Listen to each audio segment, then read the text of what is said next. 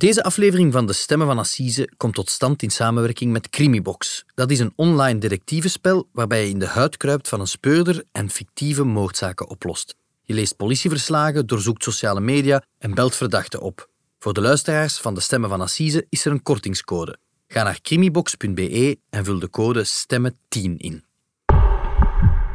Het Nieuwsblad podcast. De stemmen van Assise. Hallo, mijn naam is Mark Lefman, misdaadreporter bij Het Nieuwsblad. En ik ben Pieter Huibrechts, journalist bij diezelfde krant. En dit is onze podcast, De Stemmen van Assise, waarbij we u meenemen achter de schermen van elk belangrijk proces. En vandaag hebben we het over de diepvriesmoord. Hoe een West-Vlaamse vrouw gebukt ging onder het geweld van haar man en daarom besliste hem te vermoorden. Om nadien zijn lichaam een jaar lang in haar eigen diepvries te bewaren.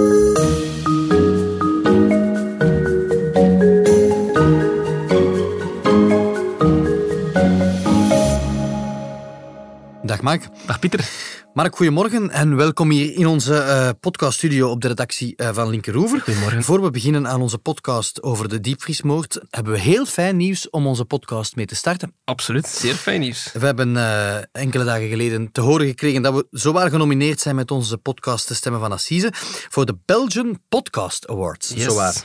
Samen met nog twee andere podcasts van het Nieuwsblad. Uh, ja, de vrolijke vrekken en seks verandert alles. Uh, fantastisch. En dus de stemmen van Assise, wij maken kans op een award in de afdeling Nieuws en Politics. Ik zou dat persoonlijk wel een geweldige bekroning vinden voor die uh, toch wel ja, al ondertussen al 78 aflevering, denk ik, die ik, we gemaakt hebben Ik ben intussen de tel kwijt, maar, maar ongetwijfeld. Zal zoiets zijn. Mark, ja, het is natuurlijk zo, hè, we zijn genomineerd, we willen natuurlijk winnen. En dan hebben we de hulp nodig van onze trouwe luisteraars. Want ja, er kan, nee, er moet liever gestemd worden. En dat kan dus via de website van de Belgian Podcast Awards. Allen daarheen zou ik zeggen, breng alstublieft een, een stem uit op je favoriete podcast. Mm -hmm. en, en sowieso, ja, wie weet vallen we volgende week in de prijzen. Hè, dat zien we wel. Hè. Maar los van die nominatie, Mark, hè, veel belangrijker deze podcast. We gaan het uh, vandaag ja. over een nieuwe, intrigerende zaak hebben. De diepvriesmoord. Ja, en je zegt nieuw, maar ja, eigenlijk gaat het uh, deze keer niet echt over een nieuw moorddossier of een, of een proces dat nog moet komen het dateert van een jaar of vijf geleden al, het proces. Maar het, het dossier kende vorige week uh, ja, toch wel een bijzonder staartje. Ik was, ik was namelijk te weten gekomen dat er iets louche is gebeurd met het moordhuis waar het slachtoffer van de diepvriesmoord ja, uh, lange tijd in bewaard werd. Mm -hmm. Ik heb dat artikel van u, Mark, uh, zoals altijd, hè, met, met, met heel veel interesse gelezen. Het was ja, strafnieuws dat je naar boven uh, spitte. Als ik het goed begrijp, is de bottomline van het verhaal dat de advocaat van de diepvriesmoordenaar nu zelf in opspraak is gekomen met de aankoop van het moordhuis. Ja, en die klopt. moet nu zelf voor de rechter verschijnen, allicht. Ja. Um, maar straks meer daarover. Ik wil natuurlijk eerst weten van, ja, wat is er in godsnaam allemaal gebeurd in dat moordhuis. De vrouw van 42 jaar uit Gids en de medebeklaagde van 47 uit Roeselare verschijnen vanochtend voor de correctionele rechtbank in Kortrijk. In april vorig jaar vonden speurders in de diepvries van de vrouw het lichaam van haar man, een Nederlander. Een jaar voordien al had ze hem verdoofd met slaappillen en gewurgd. Mark, we horen hier een fragment van onze collega's van Focus WTV. Wat ik onthoud, er staat een vrouw terecht voor de, voor de gruwelmoord op haar man. Ze heeft hem verdoofd en gewurgd. Ze heeft het lichaam van haar man in een diepvriezer verstopt. En dat heeft een jaar lang geduurd voor dat lichaam uh, gevonden is. Uh, om wie gaat het? Ja, het klinkt allemaal zeer gruwelijk. Hè? Dus die vrouw die heet Isabelle Dutois. En, en we moeten eigenlijk voor heel dit verhaal terug naar het voorjaar van 2014. Hè? Dus dat is allemaal gebeurd in het West-Vlaamse Gids. Gids dat is een, ja, een deelgemeente van Hoogleden. Dat is niet zo ver van Roeselare. En Isabelle die was de dochter van een Roeselaarse drukkersfamilie. Een, ja, gewoon normale vrouw.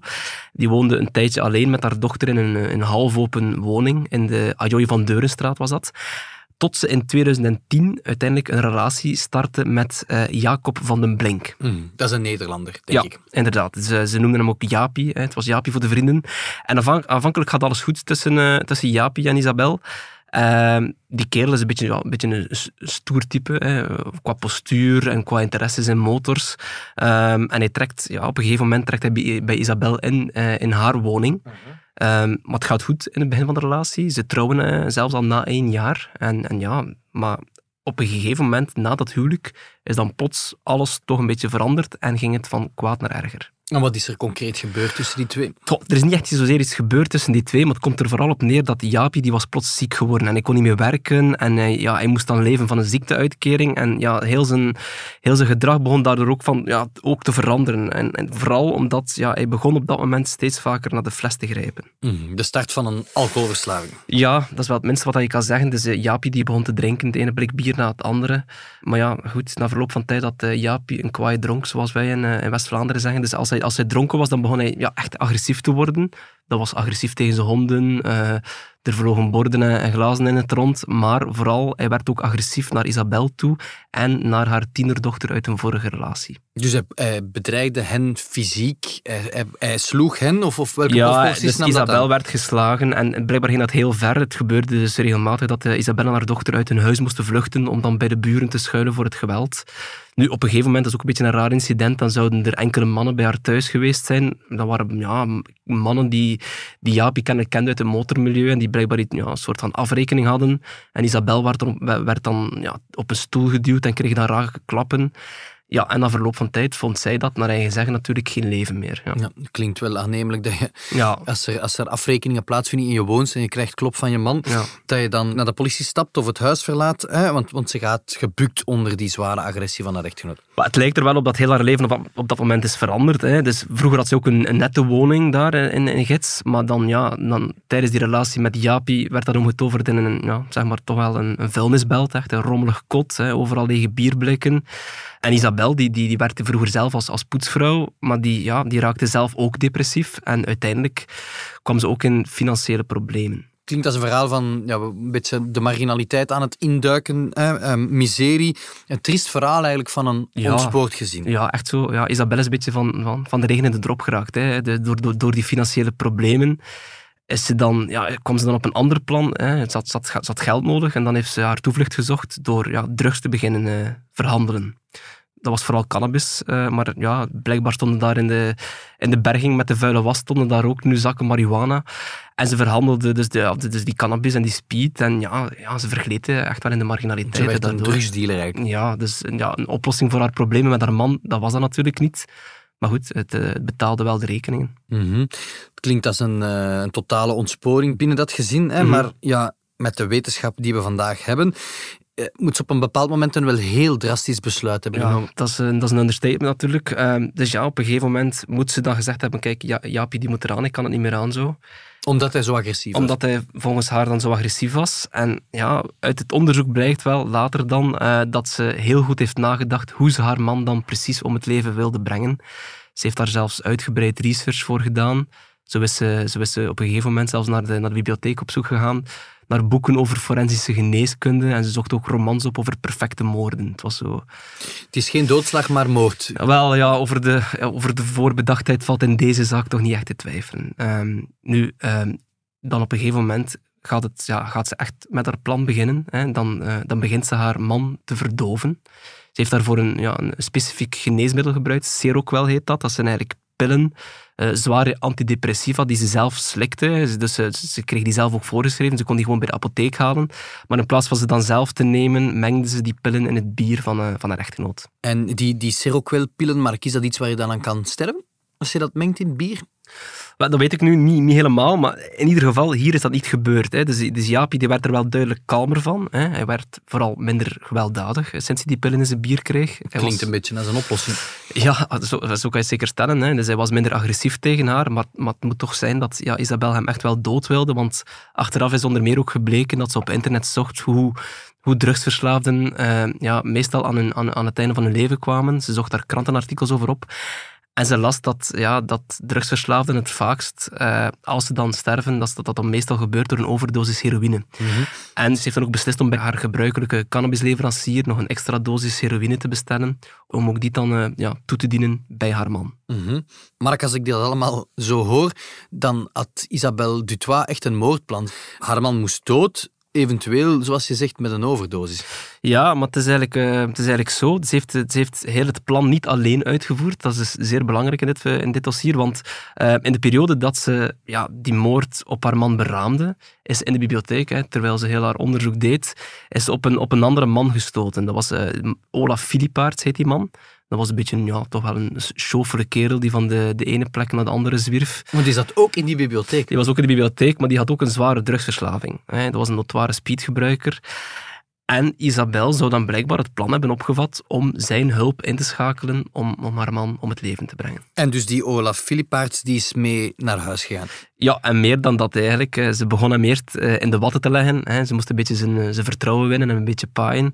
Ze deed dat onder meer door biefstuk voor hem te bakken en eh, door hem gratis speed te geven. Dat was misschien nog het belangrijkste voor hem. Voor haar was er ook niet zo'n probleem met haar drugshandeltje. Ze had altijd een, wel een voorraad liggen. En op een gegeven moment ja, zou zij zijn hoofd helemaal zot hebben gemaakt door hem het gevoel te hebben gegeven dat hij ook uh, de lakens met haar mocht delen. Mhm. En Olaf die dacht, het is bingo. Ja, zo kan je het wel een beetje stellen, denk ik. Um, nu, op een gegeven moment, we spreken dan over mei 2014, had Isabelle hem gezegd van kijk, uh, ga maar naar boven. Ja, en dus dan Olaf gaat naar boven, maar die denkt van ja, ja, ik ga hier het bed met haar mogen delen. Maar in de plaats daarvan trof hij in haar bed de, de bewusteloze Jaapje van den Blink aan. Dus haar man lag daar bewusteloos in het bed. En ja, in toch wel zeer cruwe omstandigheden, want uh, de Nederlander die had op dat moment een, een plastic, uh, plastic zak rond zijn hoofd. En die had hij niet zelf over zijn hoofd getrokken. Dus het was Isabelle Dutois die, die eigenlijk al een, een, poging, een moordpoging had ondernomen. Ja, nu, je moet weten, allez, het is een beetje onduidelijk allemaal, de verklaringen van Isabelle en, die, en Olaf, hè, die lopen natuurlijk volledig uiteen, die spreken elkaar tegen, ze hebben elk hun eigen versie over de feiten. Maar Isabel die zou gezegd hebben dat Jaapie maar niet, eh, maar niet dood wilde. Ze had hem nogthans een, een paardenspuit heroïne gegeven. Ze had ook, zoals ik al zei, een, een, een vracht pillen door zijn bier gedraaid. En meer nog, zat ook een gele spanriem rond zijn, uh, rond zijn nek uh, getrokken. Maar daar zegt ze dan zelf over van kijk, ik had niet genoeg kracht om die, om die spanriem hard genoeg aan te trekken. En daarvoor had ze Olaf nodig. Ja, alles wijst er dus inderdaad op dat Olaf Filipaert, die volgens zijn verklaringen dan stijf van de drugs, uh, ook aan het bed is gaan staan. En dat ze op dat moment samen ja, de, ja, echt een kansloze Jaapje van den Blink uh, hebben gewerkt.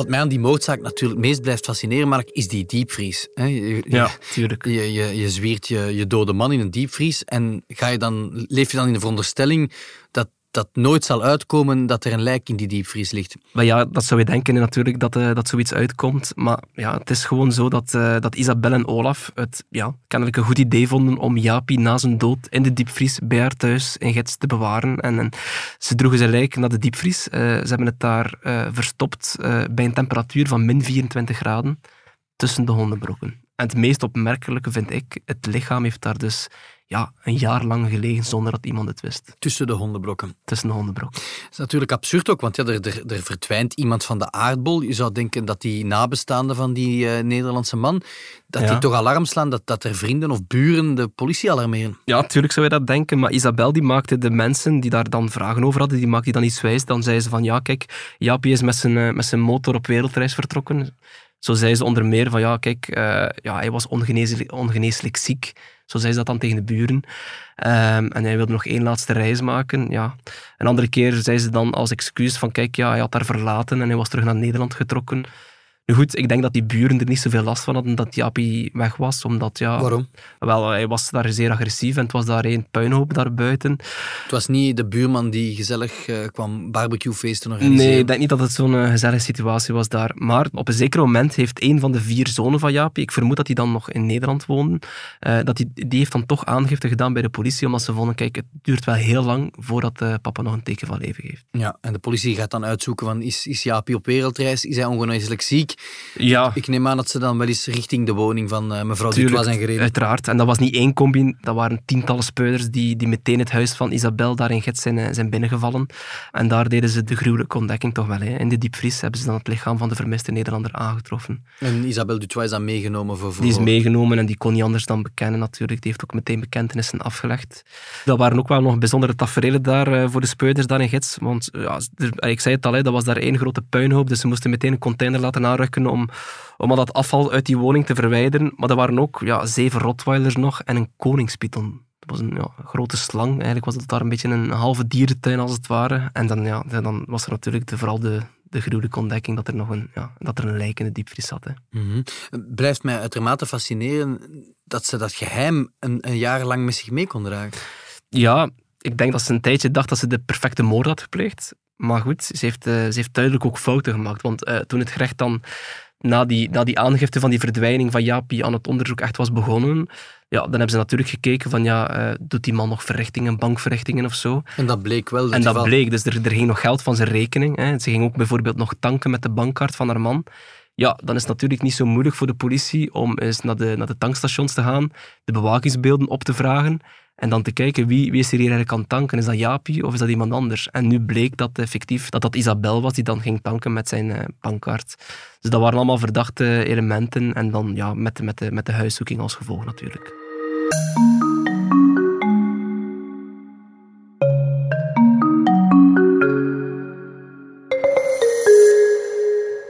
De rechter in Kortrijk spreekt zich vandaag uit in de eerste moordzaak voor de correctionele rechtbank.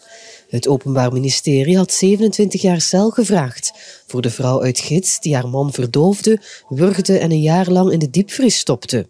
De rechter maakt er 21 jaar van. Ze doet zich voor als een battered woman die herhaaldelijk slachtoffer was van slagen en seksueel misbruik. Zij was de onderdanige brave huisvrouw die haar lot onderging tot zij haar knop omdraaide en hem om het leven bracht. Opnieuw een fragment van onze collega's van Focus WTV, uh, eh, Mark, waarbij de rechtbank Isabel Dutois en haar compaan Olaf veroordeelt tot respectievelijk 21 en 15 jaar cel. Opmerkelijk wel, een, ja, ik hoor hier zeggen, een correctioneel proces. Ja. Uh, je zit met een diepvriesmoord, dat zijn toch dingen die stevast voor een hof van assise Dat is eigenlijk een prototype zaak voor het assisehof, zou je denken. Maar dat kwam omdat uh, in 2017 had de regering het plan opgevat om het, uh, het hof van assisen en het systeem van de volksjury ja, eigenlijk volledig af te schaffen. Dat was de grote hervorming toen van, uh, van toenmalig minister van Justitie Koen Geens. Die heel wat consternatie met zich meebracht. Hè? Absoluut. Hè. Dus er was eigenlijk een nieuwe wet die ervoor gezorgd had dat quasi alle misdaden voortaan in gewone rechtbank, uh, dus correctioneel, moesten, moesten gevoerd worden. En dus niet langer voor het Assisehof. En dus ook geen, geen volksjury meer, maar uh, ja, professionele magistraten die over een dossier beslissen. Mm -hmm. Ik hoor in het fragment zeggen dat die moordzaak in Kortrijk de eerste was die voor de correctionele rechtbank moest behandeld worden. Ja, en wat je, wat je toen tijdens dat proces aan merkte, dat was duidelijk een heel andere manier van, ja, van een proces voeren. Hè. Dat was, uh, voor een assisehof, zou, ja, zeiden het al, zo'n onderzoek dat zou tot in de details opnieuw gevoerd worden. Iedereen zou komen getuigen, deskundigen, speuders, wetsartsen, psychiaters, noem maar op. Uh, de moraliteitsgetuigen die bijvoorbeeld ja, echt een inzicht konden geven van wie was Jaapie nu eigenlijk, was hij effectief zo agressief, uh, wie was Isabel, ging zij dat allemaal, ja, moest zij dat allemaal aanvaarden. Uh, dus dat zou er een heel ander beeld gevormd worden van het karakter van alle, alle betrokkenen. En hier is dat eigenlijk allemaal niet gebeurd. Mm -hmm. Zo'n assiseproces duurt gemiddeld een week. Hè. De, de laatste ja. assiseprocessen waarover we het in de podcast hebben soms gehad, langer, ja. duren inderdaad soms zelfs tien dagen, acht à Mhm. tien dagen. Ja, hier was het dus veel sneller eh, gedaan. Ja, is zij dan tijdens dat proces langdurig ondervraagd over die feiten? Nee, eigenlijk niet. Hè. Ze, heeft, ja, ze heeft natuurlijk wel het woord gekregen en ze heeft dan gezegd van, kijk, eh, dit had niet mogen gebeuren en ik bevestig al mijn verklaringen aan de politie. En tot daar, dat was het eigenlijk. Ze heeft niet veel meer gezegd tijdens dat proces. Het, is natuurlijk, het heeft het voordeel van de duidelijkheid, maar het is ook ja, wel... maar voor een assisehof is zou ze zeker drie uur, drie uur lang ondervraagd zijn en zouden misschien, ja, dan kom je misschien ook nieuwe dingen te weten. Eh, ook Olaf heeft natuurlijk het woord gekregen en hij heeft gezegd van kijk, ik ben erin gerold en het is een heel ander verhaal dan wat Isabel zegt. Maar ja, na vijf minuten mochten de advocaten op dit proces al beginnen pleiten. Totaal anders dan in een assisehof, Mhm. waar, waar een rechtbankvoorzitter eigenlijk alles doet om op subtiele wijze ja, Ja. toch wel wat nieuwe elementen naar boven Zeker. te laten komen. Ehm, ja, de stelling van Isabelle Dutois tijdens haar proces, ja, die kennen we al, denk ik. Hè. Ze, ze zegt van, ja, ze ging gebukt onder het geweld van haar man. Ja, dus haar advocaten stelden letterlijk dat hun cliënte een, een hondenleven had. Zo, zo hebben ze het gepleit op het proces. Nu, je hebt dan eh, natuurlijk ook de advocaten van Olaf. Dat waren Frank Schelik en Nadja Lorenzetti. Dat zijn wel twee bekende strafpleiters. Die stelden op het proces dat hun cliënt, dat Olaf, onvrijwillig is meegesleurd in de echt slechte plannen van Isabel. Bijna een slachtoffer. Ja, volgens hen was er ja, duidelijk sprake van manipulatie en was het zij die alle voorbereidingen had getroffen van de, van de parenspuit heroïne, zoals we zeiden, tot de zak over zijn hoofd en, en de spanriem. En was ja, Olaf er enkel voor nodig, zeiden zij, uh, om de schuld te verschuiven. Terwijl ja, Olaf op dat moment volgens zijn advocaten alleen maar vol van de speed zat. Mm Finaal heeft die Olaf 15 jaar gekregen. Dat wijst er toch op dat het Openbaar Ministerie een iets andere visie van de feiten had dan de twee advocaten. Ja, uh, aanklager Serge Malfasso, en die naam hebben we hier ook al vaak uh, zien passeren of horen passeren in de, in de podcast. Mm die was op het proces toch wel hard voor de twee. Die stelde van, kijk, ze hebben samen de antidepressiva gekocht. En dan, ja, Olaf heeft verklaard dat hij wist dat hij aan het touw moest trekken. Hij heeft dat blijkbaar zo verklaard tijdens het onderzoek. En de aanklager heeft hem dan zelfs tijdens het proces ook een, een laffe huurmoordenaar genoemd, die, die, ja, die geholpen heeft enkel maar voor, voor een paar gram speed. En samen hebben ze dan, ja, samen met Isabel, heeft hij dan, ja, volgens hem letterlijk, hebben ze het slachtoffer behandeld als een, het zo zijn woorden als een lap biefstuk. Zo klonk het ook bij, bij het voorlezen van, van het vonnis. Wat mij wel opviel, Mark, ja, er zijn assiseprocessen, denk ik, waar ja, zulke gruwelfeiten misschien met mijn levenslang of 30 jaar zouden bestraft worden.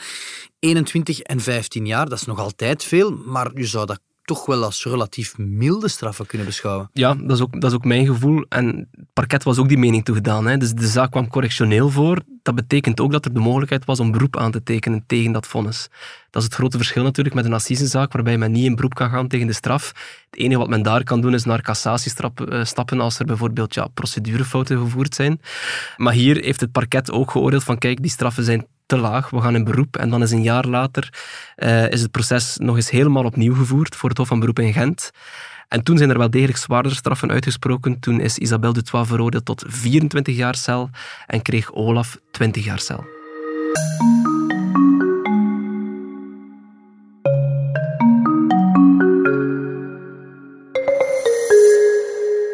Hoe komt iemand erbij om een lichaam een jaar lang in een diepvries te gaan bewaren? Dat is een vraag die wij ons uiteraard ook gesteld hebben en die wij aan onze cliënten gesteld uh, hebben. Zij uh, vindt dat ook nog steeds vreemd, maar het uh, jaar wanneer dit gebeurd is, is nog altijd een, een zwart gat, als het ware, waardoor ze moeilijk op die vraag kan antwoorden. We horen hier een van de advocaten van Isabelle Dutois en na haar eerste proces in 2017 antwoordde op de logische vraag van ja, hoe, hoe, hoe verzint iemand het om in godsnaam een lichaam in zijn diepvries te steken? Maar, maar zoals we in het begin van de podcast al aanhaalden, Mark, het is ook deze advocaat die nu zelf, hè, vijf jaar later, als uitloper van heel deze diepvriesmoord uh, zwaar in opspraak is gekomen. Ja, zo is dat. Hè. Uh, ik ben vorige week te weten gekomen dat het parket, dus deze advocaat in kwestie, uh, nu wil vervolgen voor het oplichten van zijn eigen cliënte Isabelle Dutois. Um, en zoals ik al in het begin van de podcast zei, alles draait rond het moordhuis een huis waar de diepvries met het lichaam een jaar lang heeft gestaan. Ja, dan moet je toch eens uh, rustig uitleggen. Maar... Ah, wel, dus uh, in de nasleep van die feiten, hè, vooral, en vooral met het zicht op van ja, die vrouw wist van kijk, ik, ik, ik ga een lange gevangenisstraf tegemoet, dus ik zal ook mijn, mijn woning daar in gids moeten verkopen. Hè. Dat gebeurt mhm. wel vaker natuurlijk bij, bij, bij, mensen die uiteindelijk veroordeeld worden voor moord. Hè. Die moeten dan jarenlang naar de gevangenis en die moeten dan ja, vaak noodgedwongen hun huis verkopen om de slachtoffers uh, te, te vergoeden of om de gerechtskosten of de advocatenkosten die soms wel heel hoog kunnen oplopen, om dat allemaal uh, te bekostigen. Maar hier is dat zeer merkwaardig verlopen, want uh, vandaag blijkt dus dat haar toenmalige raadsman, de man die we daarnet hoorden, dat hij het moordhuis zelf heeft gekocht. Dus ja, puur deontologisch kan je denk ik daar wel uh, een aantal vragen bij stellen. Volgens mij nog nooit gebeurd in België. Ja, nee, het is alles behalve courant dat een advocaat zomaar het huis van zijn eigen cliënt koopt. En vooral, hier heeft hij het huis ook aan een spotgoedkope prijs gekocht. En hoeveel heeft hij ervoor betaald dan? Amper 50.000 euro. Dat is natuurlijk uh, een habbekrats, denk ik, in deze tijden waar Daar iedereen... geen uh, huis meer voor, denk ik. Waar niemand nog een huis betaald krijgt. Uh, ja, ik stel me natuurlijk wel de vraag, zelfs voor 50.000 euro, wie zou er nu in godsnaam in een moordhuis willen wonen waar er een lijk een jaar lang in een diepvriezer heeft gestopt? En je sprak daarnet van een vuilnisbelt en, met slangen en dergelijke. Akkoord, maar ja, het kan best zijn hè, dat, dat, dat moordhuizen in, in waarde dalen. Dalen dan stijgen, denk ik. Ja, dat denk ik ook wel. Maar, maar denk bijvoorbeeld aan het huis van seriemoordenaar Ronald Jansen in het Limburgse Logsbergen. Daar is uh, destijds is Aniek van Uysel is daar, is daar misbruikt en vermoord. Uh, dat was ook het huis van, uh, naast, echt pal naast de familie Appeltans, de, het andere slachtoffer van, van, van Ronald Jansen, Shana Appeltans en haar vriend Kevin Paulus. De ouders van Shana die wilden toen het huis zelf kopen van Ronald Jansen, om het dan te slopen en zodat dan ja, om een beetje alles te kunnen afsluiten en zodat al die nare herinneringen eraan zouden verdwijnen. Echt letterlijk met de bulldozer erover. Ja, maar uiteindelijk is ook dat huis verkocht uh, voor 110.000 euro aan een garagist die de, die de woning dan nadien gewoon zelf gerenoveerd heeft. Mhm. Dus er, is wel, ja, er zijn wel kandidaten voor zo'n woning. Dus Mark, je zit met een advocaat, haar advocaat dan, die voor een habbekrat dat huis koopt. Waren er eigenlijk geïnteresseerden om dat huis te kopen? Ja, en dat is zeer uh, opmerkelijk, vind ik zelf. Want uh, volgens het West-Vlaamse parket, ze hebben dat letterlijk bevestigd, was er zelfs al een bod gedaan van 110.000 euro ook. Wacht, voordat de advocaat voordat van haar de advocaat het het, de woning koopt voor minder dan de helft, voor 50.000 euro. Bovendien werd de woning ook geschat uh, aan 125.000 euro. Dus ja, het is, het is, dan des te opmerkelijker dat Isabelle Dutois haar woning aan minder dan de helft verkoopt aan haar eigen advocaat. En had zij door wat er gaande was? Eh, hoe reageert zij daar zelf op? Maar op dat moment was, was die advocaat, zegt zij nu, uh, eigenlijk haar enige vertrouwenspersoon. En ze heeft dan zijn advies gevolgd. Maar nadien uh, was het wel duidelijk dat ze zich misleid voelde. want twee jaar geleden, in 2020, heeft ze dan samen met haar nieuwe raadsman een klacht ingediend bij het gerecht tegen haar vroegere advocaat. En dan is het parket is dat dan, ja, het gerecht is dat grondig gaan onderzoeken zoeken. En vandaag uh, is het parket van mening dat de advocaat in kwestie nu zelf voor de rechtbank moet verschijnen voor oplichting. Want naast de verkoop van, van het moordhuis daar in Gids wordt die, dezelfde advocaat er ook van verdacht dat hij gesjoemeld zou hebben met centen van een erfenis binnen de familie van Isabelle Dutois. Dus het gerecht vermoedt dat haar vroegere advocaat haar eigenlijk dubbel heeft opgelicht bij de, Ja. verkoop, de aankoop van dat huis en ook bij een erfeniskwestie. Ja, maar goed, dat is wel een zeer... allee, dat, is een- dat, dat gaat maar over een klein bedrag, vooral duidelijkheid. Het gaat hem vooral over de, over, dat, over de verkoop van het moordhuis. Mhm. Advocaat die verdacht wordt van oplichting van zijn eigen cliënt dan nog. Dat zijn serieuze aantijgingen. Dat, dat blijft natuurlijk niet zonder gevolgen voor die advocaat, hè, die zijn advocatenkantoor moet runnen. Ja, hoe reageert hij zelf op die zware aantijgingen? Ik heb hem natuurlijk eh, gecontacteerd vorige week, want ik wist dat hij vorige week vrijdag voor de raadkamer eh, in Kortrijk moest verschijnen. Want die raadkamer die moest dan beslissen, zal hij al dan niet moeten ja, eh, voor een proces verschijnen voor Dat de is correctionele eigenlijk het rechtbank. cruciale Het cruciale- orgaan dat ja. zegt we gaan verder of hier stopt het. Absoluut. Maar hij heeft mij toen bevestigd van kijk, ik zal mij niet verzetten tegen het proces of tegen die doorverwijzing.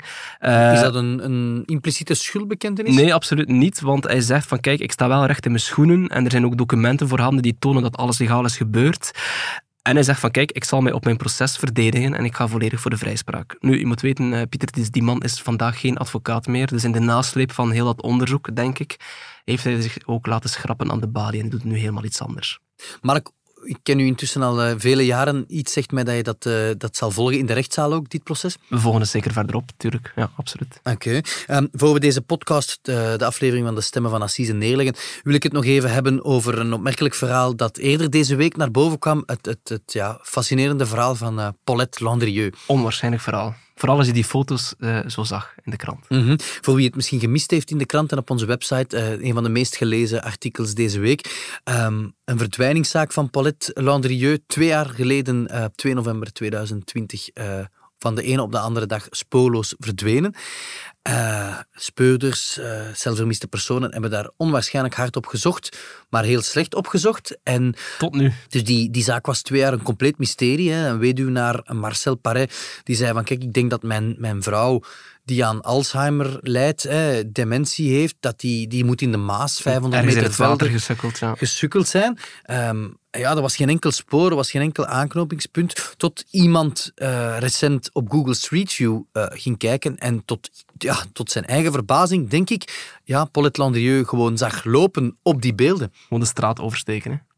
Ja, onwaarschijnlijk. Dus twee jaar lang liep elk spoor dood. Niemand wist waar ze was. En, en door, door op Google Street View te kijken, Maar is dat ik- ja. onderzoek in een, in een stroomversnelling geraakt. En, en zijn ze eigenlijk vorige week donderdag met de grote middelen ja, heel de buurt gaan uitkammen.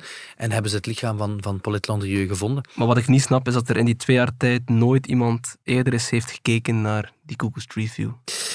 Ja, ja, die vraag kan je stellen. En, en er is daar duidelijk ook wel eh, ja, geblunderd, is misschien een strafwoord. Maar, maar ja, de, de, realiteit leert dat ze op amper 100, 100 meter van haar woning is teruggevonden. En ik had gisteren een commissaris aan de lijn eh, die niet mijn naam en toenaam wilde getuigen in de krant. Want die zei van ja, ehm, ja, er is veel oneenigheid achter de schermen en er is daar communicatief van alles fout gelopen. Maar die zei van ja, ja, wat is de kans? De kans is 1 op 10.000 dat, je, dat je op Google Street View een beeld vindt van een, van een vermiste vrouw, net op het moment dat ze vermist is geraakt. Dat is, dat is ja, du jamais vu. Nu, het goede nieuws is natuurlijk voor de nabestaanden dat er eindelijk duidelijkheid is, denk ik. Ja, en we hebben die weduwnaar aan de lijn gehad en die zei van ja, kijk, ik, ik, ik heb mijn, mijn rouwproces, mijn verdriet de voorbije twee jaar wel een plaats moeten geven. Hè. We dachten dat ze in de, in de Maas was gevallen en dat we nooit meer haar lichaam zouden vinden dat is nu wel gevonden en ja, daar, daarmee kan ze ook begraven worden. Maar ja, het blijft een zeer, zeer, eh, opmerkelijk verhaal. Absoluut, absoluut. Voilà. Mark, hier sluiten we een nieuwe aflevering van de Stemmen van Assise af. Jij sprak daarnet over 78ste aflevering. Ja, zo had ik het gezien in de Spotify-lijst. Ja, collega Cedric Lagas die houdt ook een telling bij en die, die rekent ook de zomerreeksen en dergelijke mee. En die, die zegt dat we al meer dan 100 afleveringen hebben opgenomen. Oké, dan, uh, dan geloof ik hem. Cedric is de meest secure journalist. Dus, uh... Ja, inderdaad. Mark, bedankt om hier in de studio uitleg te komen geven over uh, de nasleep van die gruwelijke diepvriesmoord en de ontwikkelingen met die advocaat qua met plezier. Alle updates over die zaak, zoals altijd, op onze website in de krant op uh, Instagram Stories. En ongetwijfeld ook in een volgende podcast zullen we terugkomen op deze zaak. Volgende week zijn we uh, opnieuw met een aflevering van de Stemmen van Assise. En tegenover de luisteraar wil ik zeggen, vergeet zeker niet om deze week nog te stemmen voor ons, voor de Belgian Podcast Awards, die we uiteraard graag zouden winnen. Dit was de Stemmen van Assise, een podcast van het Nieuwsblad, in samenwerking met Crimibox. De presentatie was in handen van Mark Liefman en mezelf, Pieter Huibrechts. Voor de fragmenten gaat ons dank uit naar Focus WTV. De audioproductie was in goede handen van Benjamin Hertogs van House of Media. De productie werd in goede banen geleid door Joni Keimolen en Bert Heijvaart.